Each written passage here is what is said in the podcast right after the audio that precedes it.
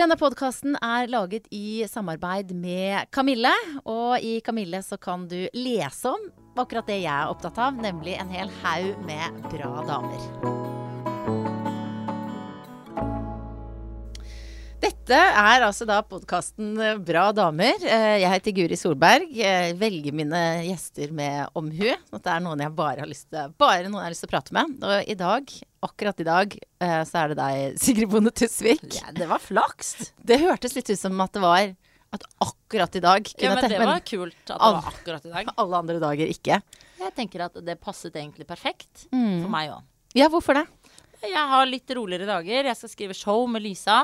Så det skal jeg gjøre klokka tolv, for hun skal rekke å ri på hesten sin først. Det er så bra, for du kan ikke si ri uten at det er liksom en, en sånn, et, et sånn en fest av assosiasjoner som kommer hoppende. Ja, og ikke minst at jeg syns det er ganske vanskelig å takle at jeg jobber tett med en kollega som prioriterer hest foran show. Ja. Er er, men man må jo faktisk prioritere dyr når du har dyr, da. Har hun en egen hest? Ja, det Ja. er hennes hest. Ja. Så hvis hun ikke rir han, så blir han tjukk og trist. Ja. For det blir jo dyr. Og hun er jo veldig glad i dyr og flink med dyr. Mm. Så det er jo egentlig bra, men jeg, jeg velger bort dyr for karriere. ja. Men du, og apropos det, så det går jo veldig bra denne karrieren din nå. Hvordan, altså, hvordan vil du si Den går litt opp og ned. 2017? Ja, 2017 har vært et bra, bra karriereår. Mm. Og også høsten 2016 var jo også veldig gøy. ja. Men før det, da? Nei, altså 2016 ø, ø, sånn inntektsmessig går det jo dårlig siden jeg har født et barn. Så det Ja. har vi tatt opp i AS-et mitt, jeg og styret. At det, kan vi, det må vi slutte med. For det går dårlig økonomisk som kvinne å drive AS og føde. Og så, For da må du holde av ekstra skatt, ikke sant? fordi de vet jo ikke på en måte at du føder et barn før du har født det barnet. Så du blir jo skatta helt vanvittig det året også. Og Gjør du sånne ting selv? Altså ha oversikt oversikt over disse tingene? og så i år, på grunn av dette andre barnet, gikk inn i tobarnsmorfella, ikke sant. Mista litt oversikten. Blanda 2017-2016-kvitteringene. Måtte komme som en narkoman til regnskapsføreren min Ja. og gi en pose. Det har jeg sett. Det er så mange som gjør. Og det har jeg ledd av så mye. Ja. Bare, jeg, og heldigvis var han ikke på jobb, men de to andre var der og sa dette ble kjempedyrt. Og så sa jeg vet du hva, jeg og min familie har blitt enige om at for at ikke vi skal bli ytterligere sinte på hverandre, skal dere betale Eller jeg skal betale den prisen at jeg, at jeg lar dere sortere sånne Hennes og Maurits-kvitteringer som jeg egentlig kunne gjort. Men velger da å lese eventyr for Jenny istedenfor. Ja. Som er viktigere. Mm. Trives du med det òg? Eh, å lese eventyr for Jenny elsker jeg jo. Det er så gøy. Nå er det så gøy å ha barn når de er fire. Ja, så begynner du å komme i sånn hode over vann-fasen nå? Ja, Jens er jo oppe elleve ganger om natta Mm. og skriker. Han er ikke bare sånn eh, eh, eh. Han er sånn Jeg, jeg er stukket av veps-fyr. så han ødelegger mye natt. Men eh, Jenny er dødskul. Jeg visste jo at det skulle bli kjempegøy når de blir litt eldre. Men eh, nå er hun jo i den gøyale alderen. Eller syns jeg, da. Ja. Martin gleder seg til liksom enda litt eh, eldre, sier han. Hva da? 17? Nei, han, nei ikke søtt, men sånn enda mer nysgjerrig. ja. Hva Han- spør hun om det? Ja, hun spør jo bare sånn Hva er det, hva er det, hva er det? Sant? Skilt, hva er, hva er det skiltet? Hver dag samme skilt, så må hun forklare samme skilt.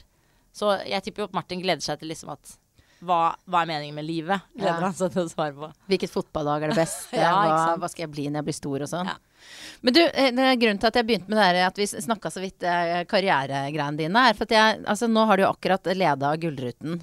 Med bravur. Veldig bra. Altså, det, du, det tenkte jeg på. Det å komme inn på scenen der, som jo Dorte Skappel har gjort en million ganger. Ja, eh, og er det noe Dorte Skappel er god på, så er det jo å ta et rom med selvtillit. Det er det. Eh, og dette her, eh, jeg vet jeg er krevende, for dette har jeg prøvd en del ganger sjøl. Ned sånn trappa på Skal vi danse sånn. Ja, den er jo helt Og det faller ikke naturlig. Men jeg må liksom jobba veldig med å liksom Ta-ta! Men det tenkte jeg på, den derre entreen du hadde. Eh, altså, eller du på en måte gjorde det, ikke på Dortes vis, men på ditt vis. Hva tenkte du? Eller hva er hemmeligheten, liksom? Det er hemmeligheten min. Ja. Jeg er jo alltid Jeg går bare ut og tenker 'jeg hater dere'. Det er alltid det jeg gjør. Altså om oss som satt i salen? Ja. Jeg hater alle dere, tenkte jeg. Oi. Og da, det tror jeg er et triks fordi du hjernen din kan jo fort liksom tenke Der sitter eh, TV 2-sjefen og NRK-sjefen, og der er de, og der Ja. er de, og, og herregud. Ikke sant? Så du blir vel plutselig litt redd. Og du, eh, janteloven jobber jo og sier bare 'Dette har ikke du fortjent'. Dette er bare rart at du er her. Så kom deg av. ikke sant? Så selvtilliten må jobbes med. Og derfor så tenker jeg alltid at det er lurt å hate alle. Men er det en, sånn, fake-hat? Ja, det er fakehat, liksom. Men da, da får du litt sånn derre at du nesten skal ut i slåsskamp, tenker jeg, da. Jeg Oi. trodde alle dere, også andre, gjorde det. I programlederne. Aldri tenkt det. Men det Er det er? Nei, aldri tenkt Jeg slår alltid hånd, knyttneven inn i andre håndflaten for å liksom samle blodet. Ja. Blodstrømmen. Ikke sant? Fordi du, du begynner å skjelve i hånda litt. Og da må du eh, liksom få bort skjelvingen. Så da sier du hei liksom til kroppen Ja. og hjertet.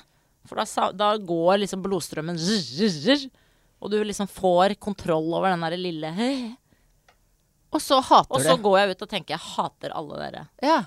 Men jeg hater jo ikke folk. Men jeg tror at hvis man tenker sånn Å, nå må jeg huske på det, eller nå må jeg huske på det, da blir du redd. ja. Jeg pleier ikke Ja. også å være på sånne Jo, livesendinger? jo, jo, men jeg tenk, jo, men jeg tror jeg kanskje jeg prøver, prøver å tenke liksom bare at jeg skal være eh, flink, da. Men, og det kan jo være strevsomt, eh, det Ja. òg. Eh, men eh, jeg tror det, Men det er du jo. en, Takk for du, det. Fordi tviler du på det? Ja. Ja, der og da Ja, du på det. jo, ja, nei, jeg tviler ikke sånn helt grunnleggende. Har jeg en sånn sånn jeg Nei, bare sånn what the fuck. Men, men det her hattrikset har jeg ikke vært inne på, altså. Men det er jo kanskje litt sånn, for jeg tenker jo at du driver jo litt sånn med Ok, vi har litt samme jobb sånn, i og med sånn TV-programleding og sånn, men akkurat det der med sånn show, standup, det er jo fremstår jo for meg som helt jævlig. ja, det er det jo. Ja. Ja, hvorfor Så gjør du det, derfor er jo ikke Gullruten så skummelt. Fordi det er jo ganske vanlig å stå nettopp i Grieghallen og ha det jævlig. Ja. Ikke sant? Så liksom, det var ikke første gang jeg står i Grieghallen Du har stått der på sånn humorgallaer og sånn, er det det? Ja, Lattergalla, eller hva det heter. særlig, særlig de humorgallaene er de jævligste. Å ha show med Lisa i Grieghallen er jo ikke noe jævlig, for da har du jo skrevet et show og du vet hvor du skal, og hvis det plutselig dukker opp litt sånn gøye ting, så bare har man det ekstra gøy. Mm. Og hvis eh, man kjeder seg litt på show, så vet man liksom vi er to stykker, og da kan vi gå og si at dette var litt kjedelig. Mm. Men eh, humorgalla er jo helt forferdelig. Hvorfor det? Nei, da er du jo helt alene, eh, og kvelden på en måte har en sånn forventning om at eh, vi skal toppe hverandre, alle standup-komikerne. Så du har jo en sånn konkurranse litt backstage, der jeg vil være best, uten at noen sier det. Eh, så det er ikke en sånn teamfølelse. For du er jo på en måte satt sammen som, et, uh, som Spice Girls. det er liksom det er noen Thomas Giertsen har sagt 'dette her skal dere gjøre, og det skal bli dritbra'. Så der er nok det verste. Ja. Eh, og som regel er det jo alltid folk over deg som eh, folk har kommet for å se. Men, og i starten så var jeg jo nykommer. Da kunne jeg liksom være wildcard og komme og Herregud, hun var helt, det var helt rått, liksom. Men så begynner du jo å bli et kjent ansikt, og da er du på en måte bare rett under den store stjerna. Og da må du levere i hvert fall like bra som den store stjerna for ikke skuffe folk. Og det koster masse penger for billetten, og, og du har som regel tolv minutter. Hvis du går over de tolv minuttene, så ødelegger du hele showet. Altså Det er liksom kjempeviktig at du holder deg innenfor tolv minutter, og de skal sitte. Og hvis ikke de sitter, så var det den sjansen du hadde. Så det er jo de jævligste dagene. Men når du da kommer eh, bak scenen, føler du har gjort en ganske ålreit jobb, er det noe klapp på skulderen eller sånt fra dine medkomikere? Nei, som regel kanskje bare den neste som skal gå på, eller konferansieren som følger med. Ja. Så vi hadde f.eks. et show i Arendal, og jeg og Cess og eh, de gutta fra mm, de impro-gutta, Svarstad, Haugland og Mikkelsen, Mm. og en nykommer fra Arendal. Og, eh, og da var vi så eh, nervøse, fordi det var lenge siden vi hadde gjort en sånn galla. Eh, og jeg gjorde det kjempebra i første eh, forestilling. Andre forestilling veldig dårlig. Å ja. For jeg, jeg vet ikke hva Jeg liksom mista det litt på andre forestillinger. Jeg tenkte liksom Jeg tror jeg ble sintere eller treigere, eller jeg vet ikke helt hva som skjedde.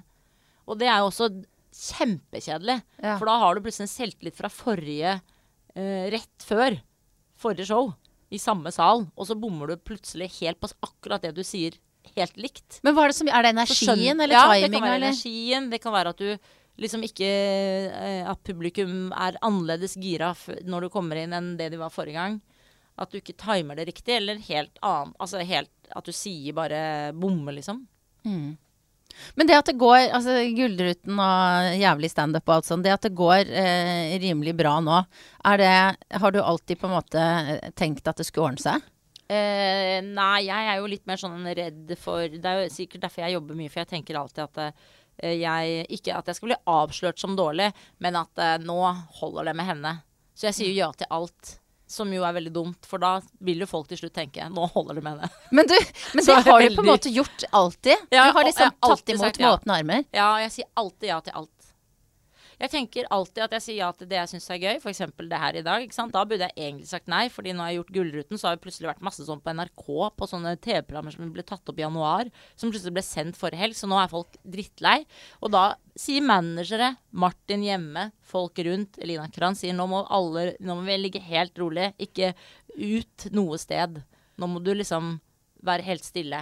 Så ringer du, så tenker jeg, ja, skal jeg si til Guri Solberg, som jeg kjenner så godt, si sånn, nei, vet du hva, jeg ligger, Ligger nå lavt, ja. ligger jeg lavt. Altså, det, jeg, for meg er det så rart å si.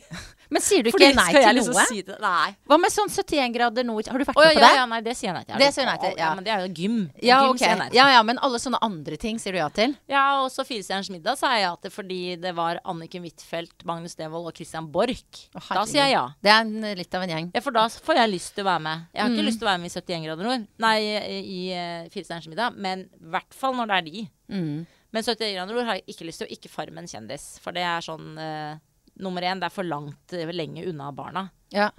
Da blir jeg helt uh, ødelagt. Det har gjort underverket for Vendelas karriere, da. Ja, ikke sant, det er det. Kom igjen, kom igjen. Ja, men det jeg tenker, det er ikke alle som kan gjøre det. Altså, jeg husker jo Hvor lenge er det siden, Sigrid, når du var med i Sangstjerner? Ja, det var 2008. Ja. Jeg var nydumpa av hele vennegjengen. Ja. De, lag, de lagde Dårskjell fra Nydalen. Du jeg kom fra lagde Sangstjerne på TV3. Ja, altså for da var du med, bare for å forklare det hvis de, de som ikke vet det, du var med i en slags sånn humorkollektiv, en legendarisk sådan, Blymandag. Ja. Alle som var med der, var med Bortsett fra Martin Beyer-Olsen og meg. Ja, du og Martin var på en måte dumpa fra gjengen Ja. når dette dukka opp på TV 2. Må kan jeg nevne i en parentes at jeg var med da. Det var du. Men uh, jeg var jo på en måte ikke komiker, så jeg føler Nei, ikke jeg skvisa. Nei, jeg ikke noe nag eh, til deg. Der. Nei, jeg føler egentlig Jeg føler ikke det. at det var sånn fy faen, der tok Guri uh, og stjal en jobb fra meg. Det føler jeg ikke. Nei, men hvis jeg hadde vært komiker, kanskje. Ja, det kanskje Mm. mer Ja, nei, var kanskje bitrere når Henriette fikk jobb etterpå, Ja. og ikke jeg, på en måte. Men hele den greia der, det å ikke være med og være litt utafor og så begynte å gå bra med de andre, hvordan Og så var du med på Sangstjerner. Hvordan var det? Nei, det var jo Jeg var jo veldig bitter, da, og veldig sinna. Men, eh, eh, og, men jeg sier jo ja til alt. Og da sa Jeg husker jeg diskuterte med Siri Kristiansen om jeg skulle si ja. Og da sa hun sånn eh, Bare si ja, fordi eh, da gjør du, og da får du liksom Du får hatt på kjoler, og du får pynta deg, og du ser jo så fresh ut, og du føler deg jo så fresh når du er sånn dumpa tynn. ja, Gått ned åtte kilo, bare Ja. Herregud, jeg er fresh! Så ser man bare lei seg ut, egentlig. Men Mm. det var jo uh, Det var sikkert lurt av meg, for jeg var med på Wipeout også. og, og det var det der sånn der du hoppe ut i vannet og ja. sånn? Ja. med, med Synnøve. ja. Og det Skarbe, altså. Og de der raske menn-gutta. Eh, og det sa jeg også ja til, fordi da fikk du penger og tur til Buenos Aires. Uh, og da hadde jeg også liksom på en måte ikke noe å gjøre, mens de andre og du uh, hadde da storsuksess. Det var jo da dere vant Gullruten. ja da var ikke jeg med lenger, dessverre. For vi vant heller aldri når jeg var med. Så. Huff meg. Nei, så da sa jeg ja til veldig mye dårlig, kanskje. Men uh, for meg så lo Har jo jeg ledd veldig mye i ettertid av at alle gjorde narr, inkludert meg selv, at jeg sa ja til de tingene. Men når på en måte Odda og de eh, og Morten og sånn har sagt ja til ganske dårlige ting etter en stor suksess som Torsdag fra Nydalen, så har jeg alltid tenkt sånn Men eh, da føler jeg at jeg var smart, da Ja. selv om det ikke var et sånn smart karrierevalg, så, så føler jeg at det er deilig på en måte å ha gjort unna trash-programmer før en stor suksess enn etterpå. Altså, jeg vil ikke være med i Skal vi stupe nå, liksom. Nei. Men eh, så du føler den vant du, liksom? Jeg følte jeg vant litt på det, fordi eh, jeg gjorde unna litt sånn ræl når jeg da kunne gjøre ræl. Mm. Og så husker jeg altså, at det ble en sånn helomvending da når du begynte å lete etter kjæreste på TV og sånn. Ja. Og det som var litt spesielt da, var jo at da var du var jo liksom eh, deg selv. Du var ikke morsom, på en måte.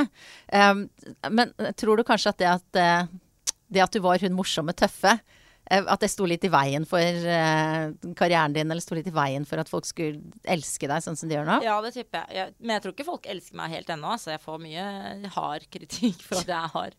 Gjør de det? Ja, fordi jeg er jo Jeg vil jo fremdeles være litt frekk og ikke så jovial og folkelig som jeg burde egentlig være. Og jeg tror TV 2 sliter litt med meg. fordi de ikke klarer å plassere meg helt hvor jeg kan være. Ja, det er jo på TV 2, og de har jo litt sånn Jeg tror de grudde seg litt til Gullruten, kanskje. Mhm. Men jeg prøvde å si til dem at dette Jeg skjønner at jeg ikke skal være Jimmy Kimmel på Oscar og roaste folk liksom i salen på en helt sånn drøy måte. For det kan man jo gjøre i USA. Det fortjener jo de i salen i USA, men det fortjener på en måte ikke Petter Uteligger på samme måte. Hva er greia, liksom? Ja, fordi det blir jo bare sånn Oi, du. Men hva er det som gjør at den der tøffe Sigrid er liksom problematisk for folk å svelge? Jeg tror det er nettopp det at du vil være frekkas og rampete. Og så vil folk si sånn ah, Kan du ikke bare være hyggelig og glad og, og fin, da? Som alle de andre. Er det lettere for gutter å være Ja, det tror Dag. Sørås, eksempel? Er det noen som Jeg tror Han ikke det er noe lett generelt å være Dag Sørås. Nei, ok. Har så mye ting. ja, off, ja. Men Man er han var kjempeflink på Mandagsklubben nå på mandag. Ja. Da var han helt på merket. Da tenkte jeg der Det var litt synd det var siste program, men der var både Else og Dag Da slappet de av, for det var siste program. ja, Da slappet alle av, og de hadde Geir Lippestad som gjest, og alle kosa seg, liksom. Og da var det bare sånn Oi, oi, oi, det dette var jo nesten gamle Mandagsklubben. Men tror du, det, tror du det Ikke nødvendigvis Dag Sørås, da, men andre mannfolk. Er det lettere Ja, for de å være være sånn Ja. frekk, hard? Ja, og så tror jeg eh, Ja. Og vi kan jo Altså, sånn som vi roastet jo Stian Blipp i Bergen på humorfest. Uh, og da var jo alle ganske harde. Uh, men Lisa og jeg fikk tilbakemelding etterpå at eh, Stian, eller Stian sa 'fy søren, dere mente det dere sa'. De andre bare tulla. Oi. Og det tror jeg ikke jeg og Lisa gjorde, men det er litt som å få kjeft av mora si, tror jeg. Når en kvinnelig komiker, da, som jeg ikke liker å kalle det, da, men akkurat nå må man liksom si det, at når en kvinne roaster, da er, blir du Får du en sånn kjefte... Du, får, du føler virkelig at vi Vi er jo gode på å kjefte òg. Ja, ja dere er jo det. jeg, jeg tror han kanskje liksom Han virkelig følte at vi mente alle de onde tingene vi sa, og det gjorde vi jo også. Hva, hva, jeg var ikke og der. Vi fikk jo kjeft av de derre eh, fa-fa-fa-fa-fa-fa-fa som jeg kaller Datarock Ja. ja. Eh, og særlig krølledatarock, altså han rikeste i datarock. Fredrik? Han som eier, ja. mm. han som eier alt mm. eh, i Bergen. Og han eh, sa liksom 'Hvorfor tok dere ikke Stian mer og liksom var slemmere?' Men det er jo vanskelig å ta Stian Blipp. Eh, ja. Fordi han nettopp er veldig sånn perfekt på TV. Og du har egentlig aldri møtt Stian Blipp uten at han er på TV. Han er jo ikke en sånn Han viser jo ikke noe annet av seg selv enn TV-mannen. Nei, det er sant, det. Var det det dere Dag også Sørås sier jo liksom at han har angst og flyskrekk. Der kan du jo ta Dag Sørås på ting, men du vet jo ikke noe annet om Stian Blipp enn at han kan shake det ut, faktisk. Men det gjør han jo jævlig bra. Det er jo det som er irriterende. Altså, Ja. Så for en som er en liksom, generasjonen før som, for, altså, Da jeg begynte, så holdt det liksom å være god programleder. Nå må du steppe, og du må beatboxe, Ja. og du må synge, Jeg vet det. og du må gjøre alt! Det var det jeg grudde meg litt til uh, Gullruten. Bare, for det var Stian som ledet den forrige ja. gang. Jeg bare åh, jeg håper ikke noen kommer med sånn derre Og så skal du danse deg inn, for det kan ikke jeg. Og jeg, jeg syns ikke det er noe gøy heller. Nei. Sånn liksom at jeg må gjøre noe fysisk. Bare. Men eh, jo, for jeg, det eneste jeg angrer for, er at jeg sparte han for eh, Husker du liksom den store, store skandalen var jo Tone Damli og Stian Blipp i Idol. Der var det plutselig et sånt kjemperykte og masse avisskriverier. Og det har jeg glemt. mulig. Ja, og det har alle glemt. Og det Oi. angrer jeg for at jeg ikke rippet opp i. Oh, ja. For det tror jeg på en måte er det verste han har opplevd. Å, shit. Men, Men, da det tok var vi bare hensyn til ja. det. Eller jeg tok hensyn, for jeg, jeg gadd ikke å minne de andre på det heller. Nei. Men der tenkte jeg liksom der, Det skal jeg spare deg for, fordi jeg husker han var kjempelei seg. Eh, og altså Se og Hør og, og avisene ringte hjem til foreldrene hans. Altså, det var liksom veldig ubehagelig for han, da. Så da var du grei? Og var, Ja, jeg følte jo at Jeg tenkte sånn Jeg vil bare nevne For jeg er jo eh, elefant på sånne ting. Jeg husker mye Mm. sånne småtterier som folk har glemt. Men det er jo sånn, dere er jo, eh, du og Lisa Tønne i podkasten deres Dere er jo, altså, by the way Jeg har jo holdt på med denne podkasten i ett år. Dere har holdt på i snart fem år. Ja. Så dere er jo på en måte eh, de mest erfarne podkasterne her i landet. Jeg bare nevner en parentes. Før alle andre. Før alle andre. Altså Infame, går det an å si det? Dere er jo på en måte Jeg tenker sånn, Hvis vi hadde kommet litt skeivt ut her nå, da, og, eller jeg hadde pressa deg på noe, eller et eller annet sånt, Mm. da hadde jeg grua meg noe voldsomt til neste podkasten. Ja, jeg klikker jo fort. Ja. Det er jo på er det, Merker du at folk eh, i sin omgang med deg er litt sånn vare på sånn Ikke ta dette i podkasten. Ja, det sier de hele tida. Ja, gjør de det? Ja. Dette kan ikke være i podkasten, sier de liksom. Ja, Eller så sier de noe, så kommer de på Shit, der er du. Dette Mm. kan du ikke si i podkasten. Ja, det Og så blir jeg ofte litt sur, for jeg tenker Hva tror du om min podkast? Tenker jeg alltid da. Fordi eh, jeg velger mine eh, raseriutbrudd med omhu. ja. Eh, jeg lar det veldig ofte gå utover Martin, f.eks. Men ikke Og offentlige personer eller kjendiser. Eh, men jeg eh, Altså, veldig ofte så er det ikke eh, så interessant det vennegjengen har fortalt, Mm. som på en måte er sånn Herregud, ja, det det gidder jeg ikke fortelle. Hvis for eksempel er sånn Jeg har fått en ny jobb. Da er det sånn Og det må du ikke fortelle i podkast, bare sånn. Men det Så interessant er ikke den historien. ja, men det er jo ikke sant, Hvis man vet at vennene dine er i sånn Julie Andem og Else Kåss Furuseth, så er det jo faktisk litt spennende. Oi, har de fått seg ny jobb? Ja, Ja, er eller har de sant. ligget med en annen person? Altså, Sånne Ja. ting er jo er dødsinteressant. Ja. Men skjønner du at folk er redde? Ja, ja, ja. ja, Ja, ja. Og Martin sier jo veldig ofte sånn hvis det har skjedd et eller annet Dette vil jeg ikke at du skal si og sånn i poden. Så sier jeg nei da, men det går helt fint. Sånn som i går, så sa jeg liksom det går helt fint, for har, du har jo kastet bunaden min i søpla. Så da er det den historien som skal få Ja, også det visste han. Men da var det noe annet som Da var ikke det noe kom, da. annet som han var sånn der, det Åh, jeg orker ikke at du skal snakke om dette. Oh, ja. Hva er, det, hva er det, da? Hvilke Nei, ting det være? Det var også bare et eller annet feil, sånn at han er At han, han jåler seg jo veldig til på morgenen. Å ja. Eh, han sier sånn så, Hva syns du om denne T-skjorta til den buksa? Og så sier jeg det er fint Altså, jeg har ansvar for to barn om morgenen. Jeg, alene. Har ikke han, er Han, han er, med på han det? er ikke til stede. Nei. Og jeg lager kaffe til han. Altså, jeg prøver alltid å gjøre morgenen hans fin. Oh, Martin snill er sur om morgenen, så jeg tenker alltid jeg lager en kaffe til han sånn, sånn at han er fornøyd, liksom. Han blir ofte litt sur hvis han får noe mat som han ikke liker. Da, for da er han så morgensur at han kan si sånn Jeg vil ikke ha det som om han er fire år, liksom. Og da har jeg akkurat krangla med Jenny som ikke vil ha Jeg vil ikke ha polarbrød. Så bare sånn Nei, unnskyld, jeg vil heller ikke ha polarbrød, men trodde barn likte polarbrød. Eller polarbrød, jeg vet ikke hva det heter. Polarbrød. Ja, det Ja, det er polarbrød. ja. Ja, ja, ja, riktig det. ja, for det er ikke svensk Ja. sånn polar... Polar er brød. Polar og pyr, et Ah. brød. Men da, så da, da er han litt sånn gretten, men det henger du ikke uti på den, da? Du henger Jo da, av ja. og til, men, eh, men, eh, men han Jeg tror han er redd for liksom at jeg skal avsløre hvor jålete han er. Ja. Det er nettopp, ja. Men hva han bruker mye tid på å kle seg, Mm. eh, og li, han liker å bruke tid på det. Jeg tenker jo at det er fint, for det er den moderne mannen. Ja, Og jeg liker jo at Martin ikke er Jeg syns jo jeg ser veldig mange menn som har uh, småbarn, som har uh, sovna. Eh, ikke sant? Som på en Ja. måte bare Jeg tar den buksa som jeg kjøpte for fire år siden. Eh, jeg har ikke tid til å finne eh, Altså, de stivner i stilen. mm. Og det er jo min store skrekk, at Martin skal bli en sånn trøtt fyr. Som du bare Oi, der går du i de gamle rockebuksene dine. Og du har ikke liksom oppdatert rockebuksemoten din. Så du støtter han i hans eh, sånn forfengelighet, da? Ja, det liker jeg veldig godt. Mm. Så det er, jeg syns det er bra. For jeg syns det er kult å se en mann uten skjorte, på en måte, som har kledd seg i riktige klær.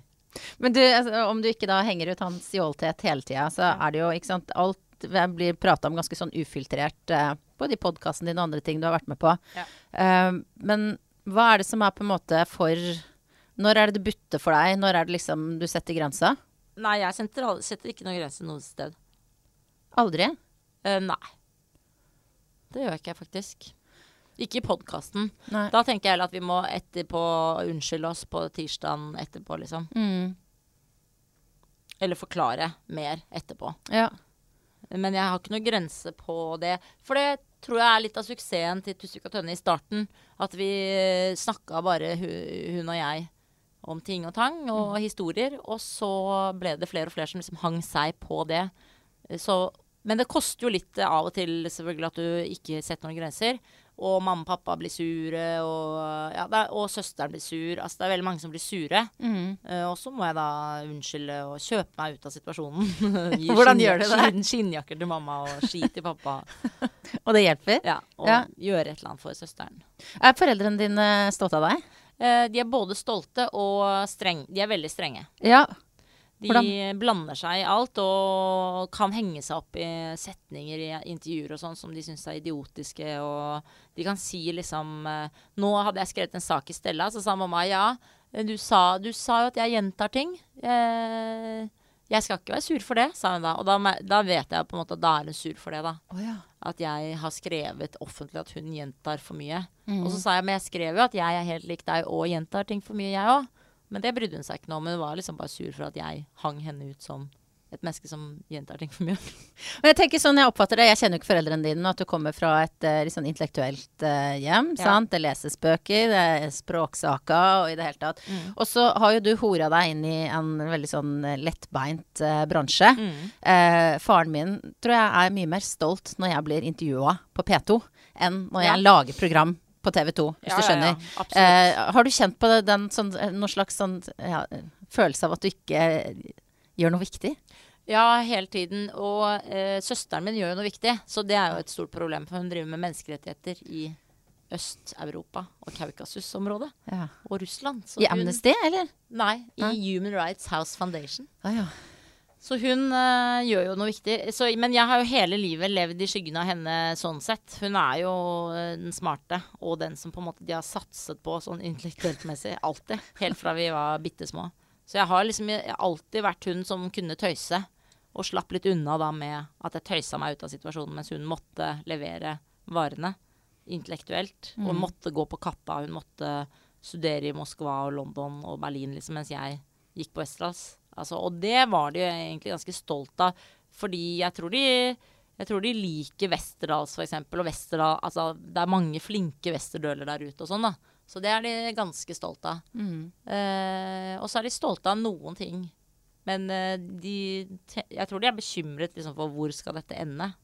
Er man ferdig når man er 40, tenker Ja. de. Er du bekymra for det? Jeg er alltid bekymra for det. Er ikke du?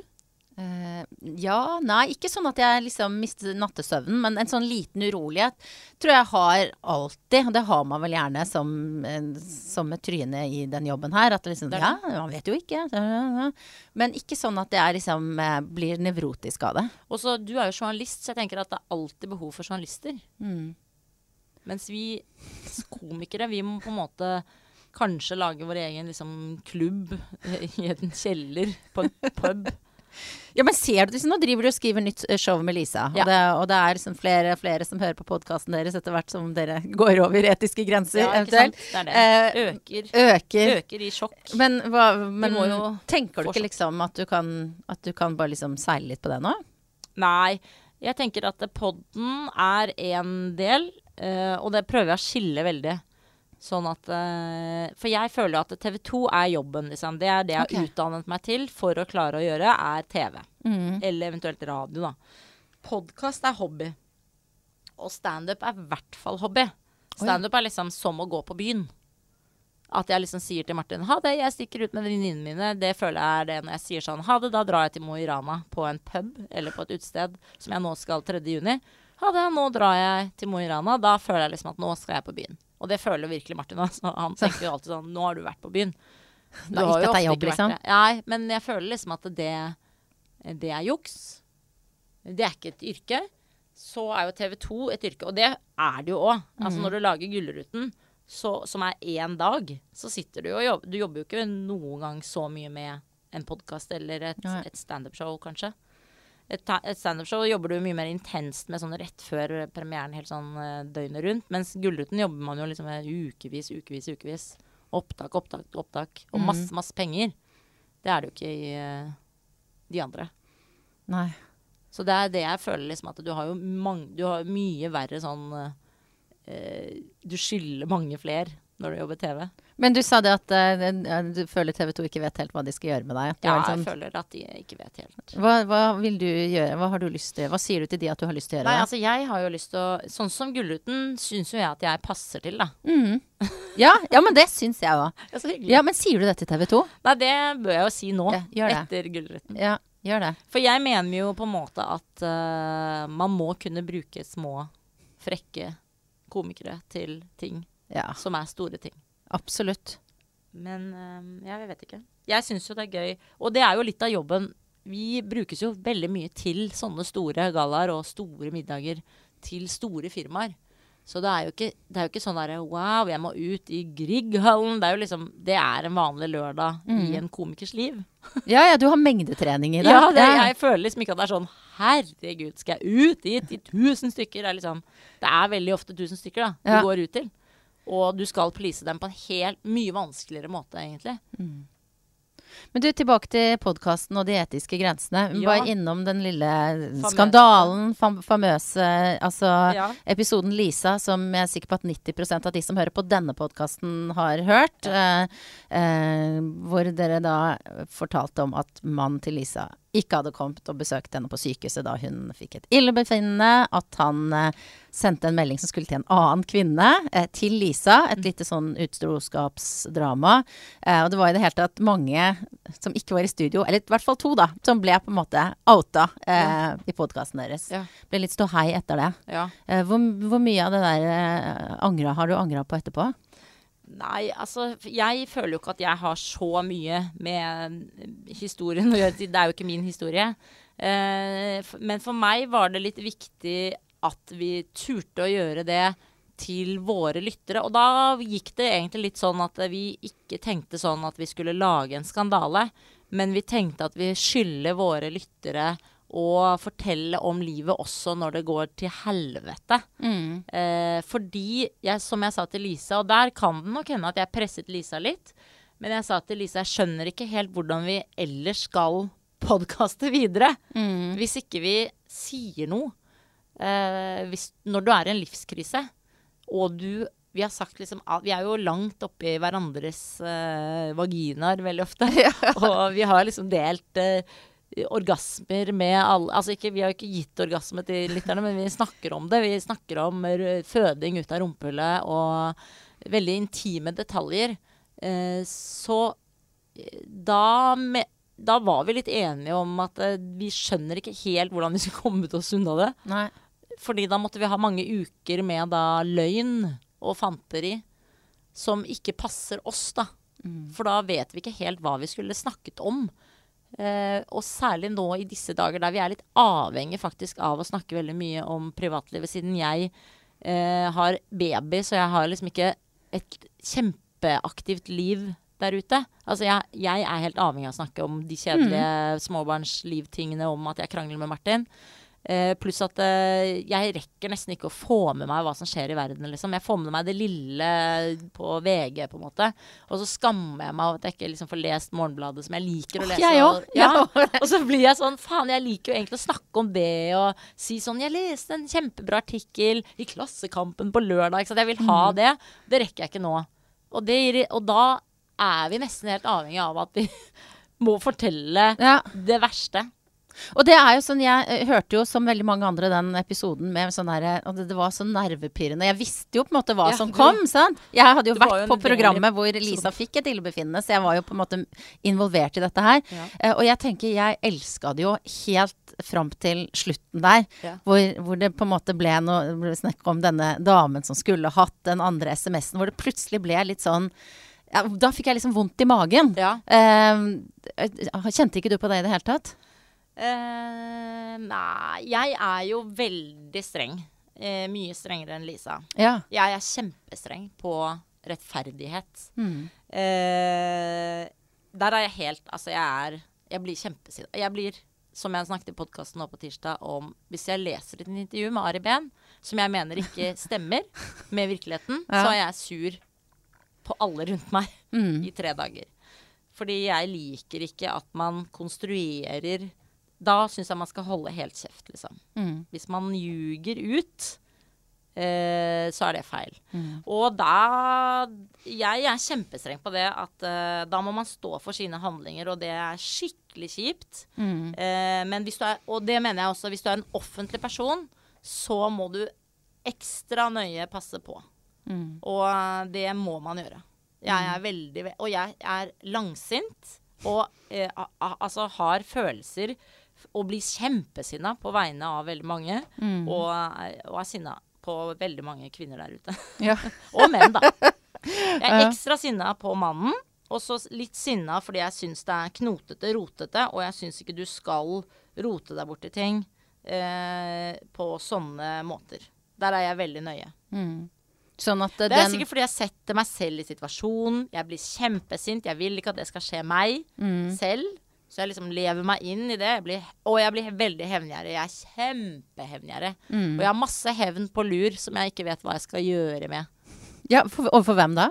Eh, nei, alle. Masse kvinner der ute. Og, og menn der ute som jeg er sint på. Som jeg syns eh, må skjerpe seg. Mm. Eh, og det er bare fordi jeg tenker liksom at eh, idet det er barn inne i bildet, og familier og sånn, så syns jeg folk må holde seg litt i skinnet. Mm. Eh, ellers så syns jeg de må være flinkere til å skjule ting. Mm. Men i tilfelle Nå skal ikke dette her handle om liksom denne historien konkret, men i Vi burde bodd i Frankrike. Der, der er det jo helt vanlig. Ja, ikke sant? Der, Der er det jo ja, ja, Der kommer, der Må få lov til å voldta folk på hoteller i New York. Han er en mann, roper de da.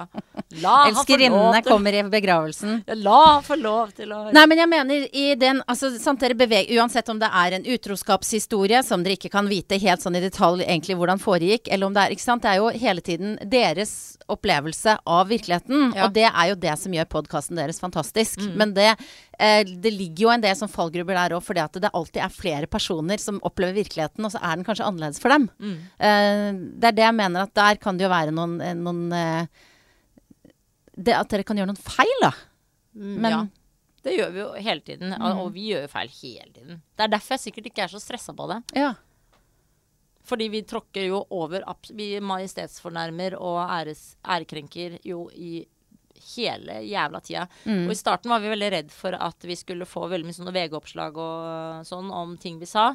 Men så bare gønna vi litt sånn Vi økte på en måte nivået med sladder og vi avslørte hvem som hadde voldtatt før avisene kunne skrive om det. Altså Vi bare kjørte på. Han har slått kona si. Han har Alle rykter vi hørte, bare dundra vi ut. Ja. Og da har du blitt på en måte mindre redd, da. Ja, fordi avisene kan ikke lage så mange oppslag om Tussvik og Tønne. Det orker de ikke. Så, og også der at du eh, tuller så mye om det. Vi går liksom hardt ut, sier det er ikke lov, og så plutselig tuller vi om det og syns det er gøy at noen slår kona si. Altså, sånn at vi balanserer hele tiden der folk tenker Var dette sant, eller var det ikke sant? Eh, hva var sant her nå? Hva mener de egentlig? For det er jo det ønsket, i hvert fall mitt ønske, jeg vet ikke hva Lisa sitt ønske er akkurat der, men mitt ønske er jo alltid at vi skal tulle med det verste. Hele tiden. Ja. Hva er det ellers du ønsker å Hva er det du Altså, hva er det du håper å få til? Med podden? Ja? Nei, jeg trenger ikke å få til noe annet. Eh, Vi er størst i Norge, så skal, jeg vil ikke være gal. Uten konkurranse? Jeg vil ikke være, jeg vil ikke være gal. Jeg vil, jeg vil enda opp. Lysa vil kanskje slå gjennom i Sverige, har hun veldig lyst til. Ja, ja, det store podlandet. Ja. Ja, ja. Jeg vet ikke om det er noe sånn lønnsomt for oss, fordi eh, der er det Det er jo en eh, feministstat, og eh, altså der er de knallharde, da. Mm. Der har de mye strengere regler på hva man kan si, og nesten ingenting av det vi kan si, kan man si i Sverige. Eh, fordi der bryr man seg mye mer om, om ting, og ja. Men der er... har de større problemer òg, ikke sant. De har Ja. De skjuler mer, men de er også mye strengere på åpenheten. mm. Men du er jo en sånn gavepakke av en person. Vi har jo snakka om det at du har sagt, sier ja til alt. Og, ikke sant? Du, selv om du ikke leser Morgenbladet og Klassekampen akkurat nå, så er det altså Det er et mål ting i du, livet. Det er et mål i livet, og du skriver i Dagsavisen, og du engasjerer deg, og du, samtidig som du leder Gullruten. Altså du gjør på en måte alt. Jeg har litt mange stemmer, kanskje. Ja, men, eh, men du syns ikke at det funker bra? Jeg må ha det, fordi jeg Martin tror jeg er litt sur på det, liksom at jeg må ha alle de stemmene. For det gjør jo litt at jeg føler f.eks.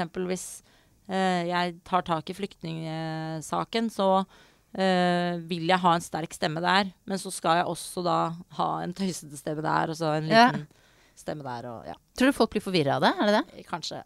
Jeg mener jo bare at man må gjøre det. Hvis du har en stemme utad som eh, du uh, har lyst til å bruke, uansett om folk blir irritert for den stemmen, Mm. så mener jeg at det er viktig, da.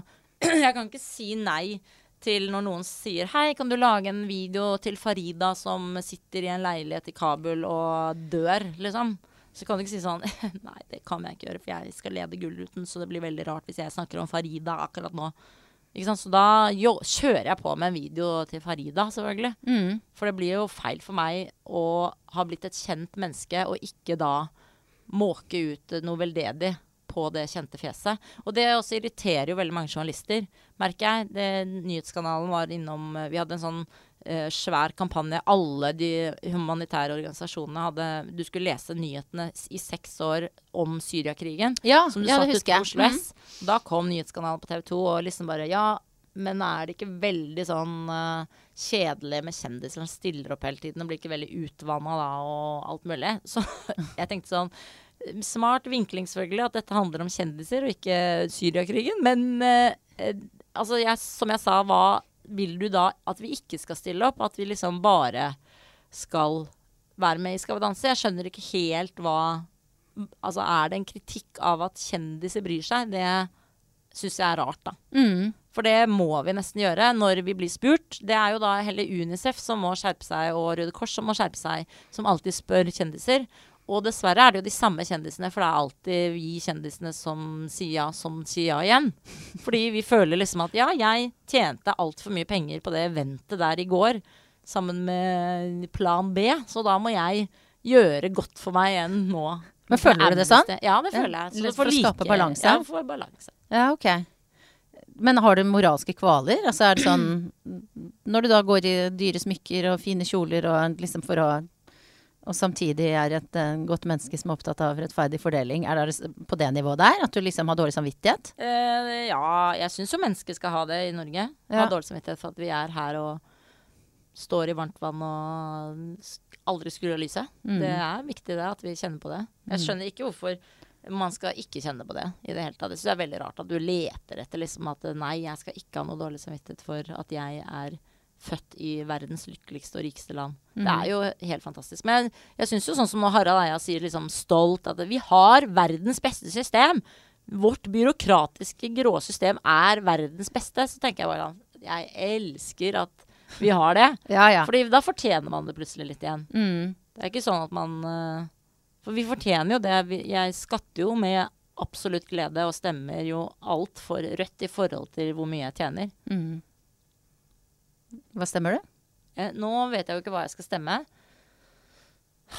Jeg stemte Rødt eh, når jeg bodde på Grünerløkka, men det var på kommunevalget. For jeg ville at Rødt skulle få en stemme inn i bydelen. Men eh, um, Er det Lysbakken nå, eller er han litt Nei, for ja, det er det. er det ikke litt sånn Blir man Er man um, uh, er, er, Jeg er litt bekymra for at vi ikke har nok eh, Altså hvis verden går mot disse karismatiske politikerne, mm. og verden vil ha de, vi og sier litt sånn. Nei, Bernie Sanders, du er for høysingfarget. Eh, Hillary, du er for gammel og traust, liksom, og det funker ikke. Vi må ha han kjempeskumle, rare.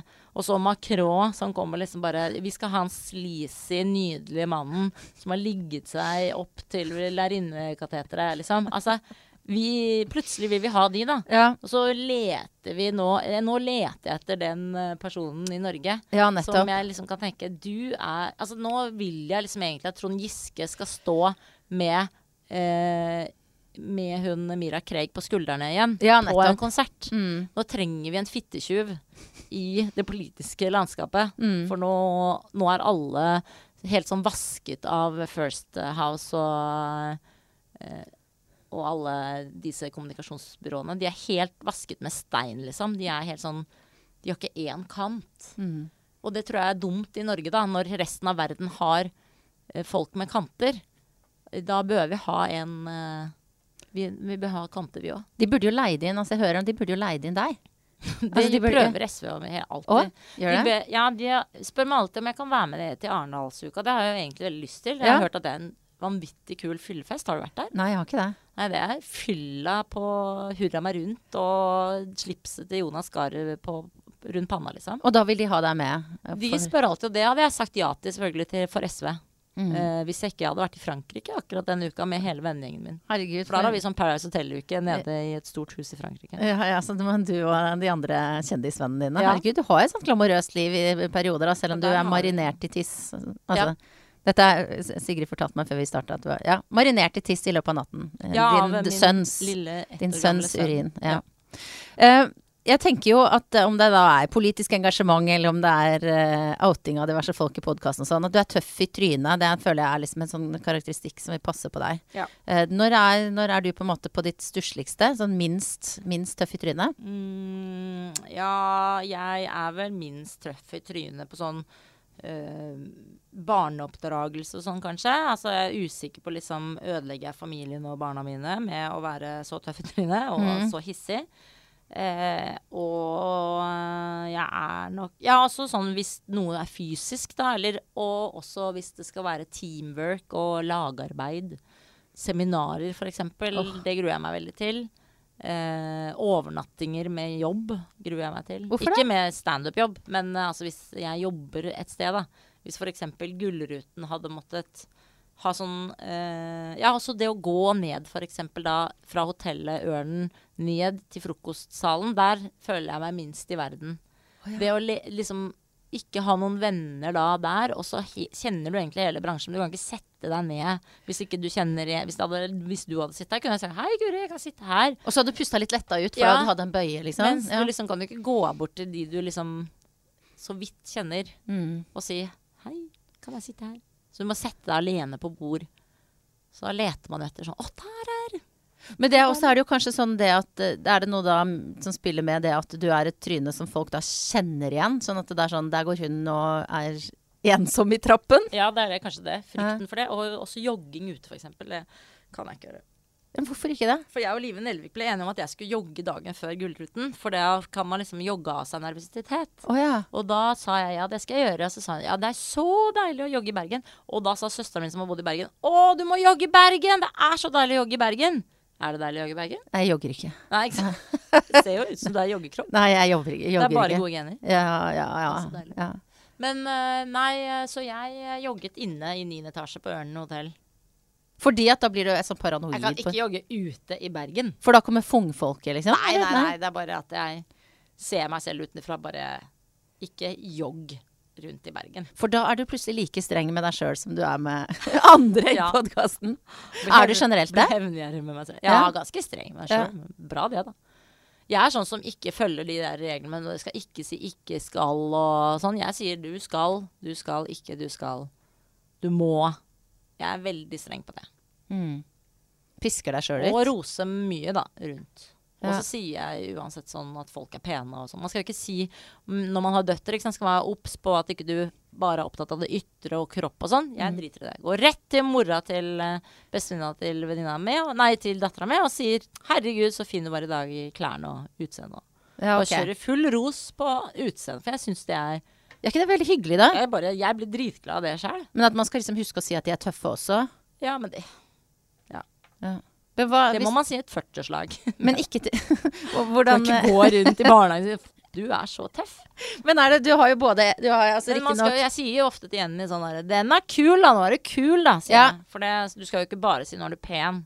Og jeg sier jo ikke at hun er en prinsesse, f.eks. Nei. Å gud, det tror jeg jeg har sagt til min datter mange ganger. Men, Ikke sant? Og det Ja. skal du ikke si, da. Men får du litt noia av det? Altså, blir, du, blir du nervøs skal du, for å gjøre det riktig? Ja, og så må jeg minne meg selv på at det, det fins barn i Italia som blir slått av sin mor og sin far, og som også da har hissige foreldre. Så må jeg liksom tenke da, ja, så da har de ikke det så ille likevel. Selv om liksom man skal jobbe med seg selv og temperamentet sitt. Og, og så også tenker jeg jo at veldig mange vet at jeg er sinna, for jeg forteller det i podkasten. Mm. Så jeg kunne jo skjult det og sagt hjemme går det bra. Ja. Uten å liksom si at ja, jeg har skjelt ut folk rett foran barna mine. De ble veldig redde og lukket døra og gjemte seg. Sant? Det er jo forferdelig å si høyt. Det skal man ikke si høyt. Det mener jeg man må si høyt. ja. Og det er jo i det hele tatt nesten alltid, nesten alltid, syns jeg, en, en, en bra løsning å si ting høyt. Ja, Eh, enig. ja. Det funker. Ja, jeg også syns det. Eh, Sigrid, har, har du tatt med deg noe? Ja. ja. Jeg har tatt med meg kazoo. Har du tatt med deg Sier det noe om hvem du er? Ja.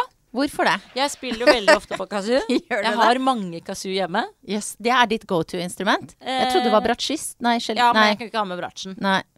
Kunne tatt med bratsjen, Ja, men jeg spiller ikke så mye på bratsj som jeg spiller på kazoo. Nei. Fordi jeg lærer jo da Det er det første jeg lærer eh, mine barn. Når de, eh, så Jens er ett år, har lært seg kazoo. Ja. Fordi det er viktig å kunne Fordi de barn som er dumme, blåser bare sånn. Ja. Ingenting? Så må lære. Og det er fordi jeg er jo super Knutsen og Ludvigsen-fan. Og de bruker jo masse kasu. Hele tiden, vil jeg si. Så dette her er på en måte inngangsporten til en syk verden? Kommer det en Ku i tunnelen. Så kjører vi på. Og jeg får ofte kazoo. Den har jeg fått av søsteren min, for hun vet at jeg trenger kazoo. Ja. Så det fikk jeg til jul. Mm. For det der papiret inni kazooen blir ofte litt vått, ikke sant. Den, den, knallgule kazooen. Det er veldig bra. Bruker du den, altså er det opptrer du på en måte i Nei. sånn Nei. Tar den ikke med på show. Nei. Men hjemme er det mye kazoo, kastanjetter, tromming, i gitar. Ja. Men Jenny er jo i den alderen der hun ikke vil at du skal spille gitar fint. Det er liksom hun vil spille gitar, så hun hun ja. får aldri spilt gitar. Mm. For det er sånn, hvis du tar fram gitar, så er det sånn 'Jeg vil! Jeg vil!' Irriterer meg. Mm. For en får hun aldri. Jo, da, alle har hver sin kasu, da. Hele familien. Ja, Jens har lært seg Hva med Martin Jøndal? Hvordan Nei, er han på han kasuer ikke litt så mye, men han leker jo masse, da. Ja, ok. Mm. Han har jo ikke gehør, men vi tåler det, vi andre. Såpass glad er dere i han. Ja da, og han spiller jo masse bra musikk og danser mye. Så det er bra. Han kjører full guffe, og det er jo også kult at han gjør. Tar aldri hensyn til noen. Han gønner på med musikken høyt. Ja. Og når Jenny insisterer på Marcus og Martinius, nekter vi henne det. Bra. Vi kan spille Girls, Girls, Girls, for der er Madcon med. Mm. Så da tåler vi det så vidt. Så må vi gi- inn i dusjen, skrubbe det av oss etterpå og bare åh. Hva med Vaiana? Har dere kommet dit? Ai! Vaiana, Er det gi sant? plass! Gi plass! Å nei! Ja, det er fantastisk. Er det bra? Ja, På en sånn Disney-aktig fin måte. Ja, for det er den nye Frost, liksom. Mm. En litt tøffere er dame. Ja, er tøffere enn Litt tøffere. Seiler utenfor revene og ja. De har bra kvinneroller. Ja, i Disney, da. etter hvert. Ja, Frost er bra, det. Søskenkjærlighet Ja, det med sterk søskenkjærlighet der du må klemme hverandre for å Mm. overleve. Tvangsklemming. Mm. Du, eh, hva spiste du til frokost i dag, Sigrid? Det var jo da Jenny sitt polarbrød med skinkeost som da jeg måtte spise. For du tar leftoversen? Ja, Mm. alltid. Hvorfor er det sånn Ja, mannen din er sur om morgenen, så du er alltid liksom in charge? Ja, og pluss at Martin er tre dager i Stockholm, for han skal se en United-kamp i kveld. Og da sa jeg så interessant at det tar så lang tid å dra til Stockholm. Ja. Så sa han det var faktisk ikke fly ledig på onsdag til Stockholm. Du tror ikke helt på det, eller? Nei, det tror jeg ikke på. Faren hans hadde lett etter fly. Han og far er på United-kamp. Men så vet jeg jo at uh, jeg kan jo dra et annet sted, jeg da, senere. Mm, du har det på kontoen, liksom? Ja, sånn ser jeg det òg. Mm. Man, man må alltid si ja til hverandre. Mm. Hvis så lenge det går, så si alltid ja. Det er min filosofi. Jeg også har alltid det som regel. Blir alltid redd da når jeg hører som de andre som har den regelen, blir skilt. Da tenker jeg what? Ja. Det henger ikke på greip. Men er du redd for det? Ja, hele tiden. Og særlig nettopp fordi jeg har sagt ja hele tiden. Mm. Da skulle jeg veldig gjerne sagt nei, og så blitt skilt. Og kjent, tenkt sånn ja, ja, men jeg var litt streng. Mm. Når du sier alltid ja, du hører fy søren, du er grei, ass. Alle sier det, liksom. Og jeg er veldig grei. Ja. Men er han grei tilbake? Jeg er alene på 17. mai, liksom. Med barna. Hvor var han da? Ja, han var med vennegjengen. Vi har jo ikke noen venner med barn. Vi har faktisk ikke venner med kjærester heller. Odda er jo gift, men det er det. Ja. Eh, hvor lang tid brukte du på å finne ut hva du skulle ha på deg i dag? Vi vet jo nå da at mannen din brukte lang tid. eh, Ja. Men Eh, nei, eh, ja Jeg brukte ikke så lang tid i dag. Jeg kan bruke Nei, bruk, jeg har jo ofte ikke så god tid. Har mye klær, da, så jeg kan bare smelle på. har du Men litt forfengelig, eller? Ja, veldig, veldig, veldig. veldig. Og Oi. jeg kan gå en hel dag og angre hvis jeg har tatt på liksom feil. Hva kan feil være, da? Nei, det kan være f.eks. en bukse som da glir for mye ned, og jeg da ikke har tatt riktig genser til. Du Da er jeg sånn sur hele dagen på det. glippe, liksom. Ja, ikke glippe, men bare liksom at jeg ikke er komf og tenker faen, jeg skulle tatt den andre buksa. Men er du sånn da som på en måte blir sånn eh, be- be- kroppsbevisst og bare Ja. øh, holde inn og det- sånn? Sitter sånn hele tiden. Ja. Hva gjør du med det? Nei, det er bare sånn det er, da. Ja. Jeg har alltid vært veldig kroppsbevisst. Så det må jeg jobbe med at ikke Ja, på en negativ måte? Ja. Alltid sånn misfornøyd med armene og sånn. Det syns jo stylisten nå på Gullruten var veldig irriterende. Oh, ja. Jeg bare kan ikke ha armer For du er misfornøyd med de? Ja, de liker jeg ikke. Jeg liker beina best, ikke sant. Så da Ja. vil jeg helst frem med, med beina. Mm. Og så Gullruten er jo veldig lange kjoler. Da får jeg ikke frem beina. Åh, Blir irritert. Ja. Eh, Når hadde du sex sist? Elsker jo kroppen din, for eksempel. Elsker Den du kroppen min? elsker jeg på TV. Å, herregud. Oi, altså i live. Nå er, du, nå er du bra på komplimentfronten. Det var dette vi snakka om i stad. Ja. du bare liksom er gønner på. Ja, det ytre som Jo, men jeg er veldig glad i kroppen din. Ja. Sist gang jeg så kroppen din, var jo da eh, på, på Instagram. Eh, Da tenkte jeg fy søren, for en bra kropp. Tenk at hun har født to barn. Jeg, Da sto du og spilte tverrfløyte. Å ja! så, så da, og tenk at det ikke var spillet mitt, men det var kroppen min som fanget oppmerksomhet. Såpass flink som jeg var. Og alle som vil se kroppen min, eller høre hvordan jeg spiller, gå inn på Fru Fukt på Insta. Herregud, Sigrid. Et kroppslig spørsmål til slutt. Ja. Når hadde du sex sist? Det var på Vent, da, nå må jeg tenke. Det var på Var det lørdag eller søndag? Mm. Hvilken dag? Ja, det var enten lørdag eller søndag. Det er jo ofte um, For noen så er det en søndagsaktivitet. Fordi at liksom hvis man er Det var lørdag! Det var lørdag! Ja. Ja, Hva var det som fikk deg til å huske at det var lørdag? Fordi Martin var fyllesyk, og da sa jeg dette er sånn fyllesyk-ligg, sa Ja. jeg. ja, for det er det jeg skulle si, at det er man jo gjerne på søndager. Og da, Ja. ja. det var, Martin var fyllesyk fra en VG-fest. Å, ja. Og, da, og de hadde hatt karaoke, og det var, han var så glad og fornøyd. Og Ja. slapp som et uvær og irriterende hele dagen. Jeg var sinna på han fra morgen til da ligging. Men, men når du da likevel ligger med han, er det da av ren sånn eh, For å være grei, eller? Nei, jeg Siden sier alltid ja til ligging fordi jeg tenker alltid at det er lenge, muligens lenge til neste gang. Eh, og at det er bra for Altså det er et bra trening. Tenker jeg også alltid. Det er, du For- får for brukt- deg, liksom? Ja, Bruke musklene? Brukt kroppen. Ja. Brukt eh, vaginale muskler. ja. Du trekker ting sammen. Det er bra. Mm. Og det er lykke Det gir deg endorfiner. Mm. Så uansett om du bare har litt sinna, eller veldig sinna da hele dagen, så blir du litt gladere da i mannen etterpå, selv om ikke det var et kjempebra ligg. Mm. Så derfor sier jeg ja til veldig ofte til Eller alltid ja til ligg. Eh, fordi det er lurt. Mm. Godt råd. Ikke fordi jeg liksom tenker å, da skal jeg ja, liksom at vi kommer nærmere hverandre. For det ofte kan man nesten gjøre over en biff. Spise en biff, da er vi Ja, kjempenære ja, hverandre. Ja. For da ser man hverandre inn i øynene og tygger. Mm. Det er ikke så nær, ikke alltid, liksom. Men plutselig har man jo et kjempe Og man vet jo aldri om det blir et kjempebra ligg eller et sånt helt OK ligg. Hva ble det, da? Nei, det ble OK og var kjedelig ligg, da, for meg. Ja. Men det var liksom, jeg var ikke så interessert i det. Det er så bra, for at dette er jo et spørsmål som eh, som noen svarer på, eh, og noen ikke, og sånn. Og så tenker jeg sånn med deg, når jeg skal prate med deg i dag, så er det på en måte eh, Det er ikke noe vanskelig å få deg til å åpne deg. Nei, ikke er- på ligging. Nei, men på ligging eller rumpehull eller sinne eller uh, Altså Nei, det er jo alltid Og det tenker jeg alltid er litt kjedelig når jeg skal bli intervjuet òg. Fordi jeg nettopp ikke har spart en historie. Så Nei. sånn, Hei, vi har lyst til å intervjue deg i A-magasinet. Bare faen, hva skal jeg måke på det dumme rumpehullet igjen.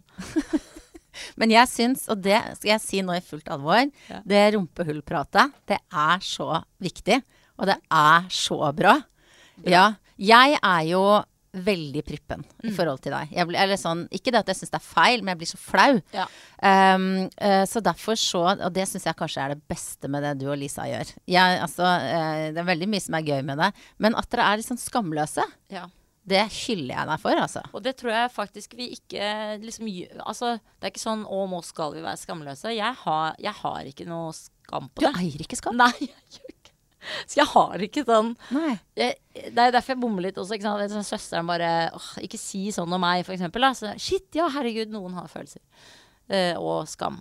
Uh, mens jeg skam... Jeg har ikke liksom lyst til å si sånn Å, jeg prøver å være skamløs. Jeg ha, har faktisk ikke antenner nok til å skjønne at shit, det er kanskje ikke så smart å si, eller Nei. det er drøyt å si, eller det var veldig ærlig.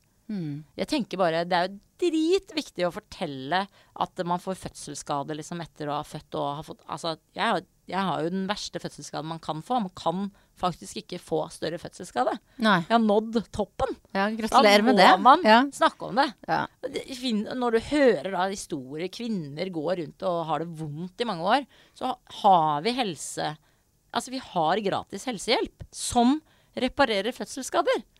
Da, det, vet du hva, da blir jeg sur på både kvinnen og samfunnet rundt som ikke da er åpne og forteller. Du vet at du kan fikse det der, ikke sant? Mm. Altså Fins kvinner da som ikke ligger med mennene sine fordi de har vondt av å ligge etter fødsel? Fødsel, det skal man ikke gjøre. Nei. Da må man ta tak. Så det er derfor jeg maser om det. Ja. Bra. Fortsett med det. Takk.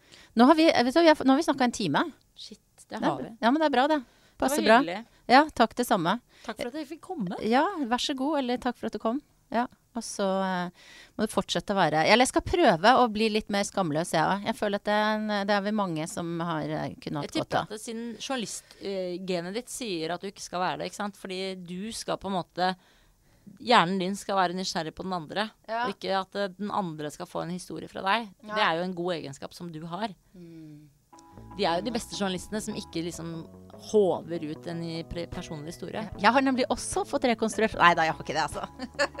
jeg har mitt eget rumpehull. Bare å si rampehull er Ja, jeg gikk over karriere! Rumpehull! Yeah! Vær så god. Monster.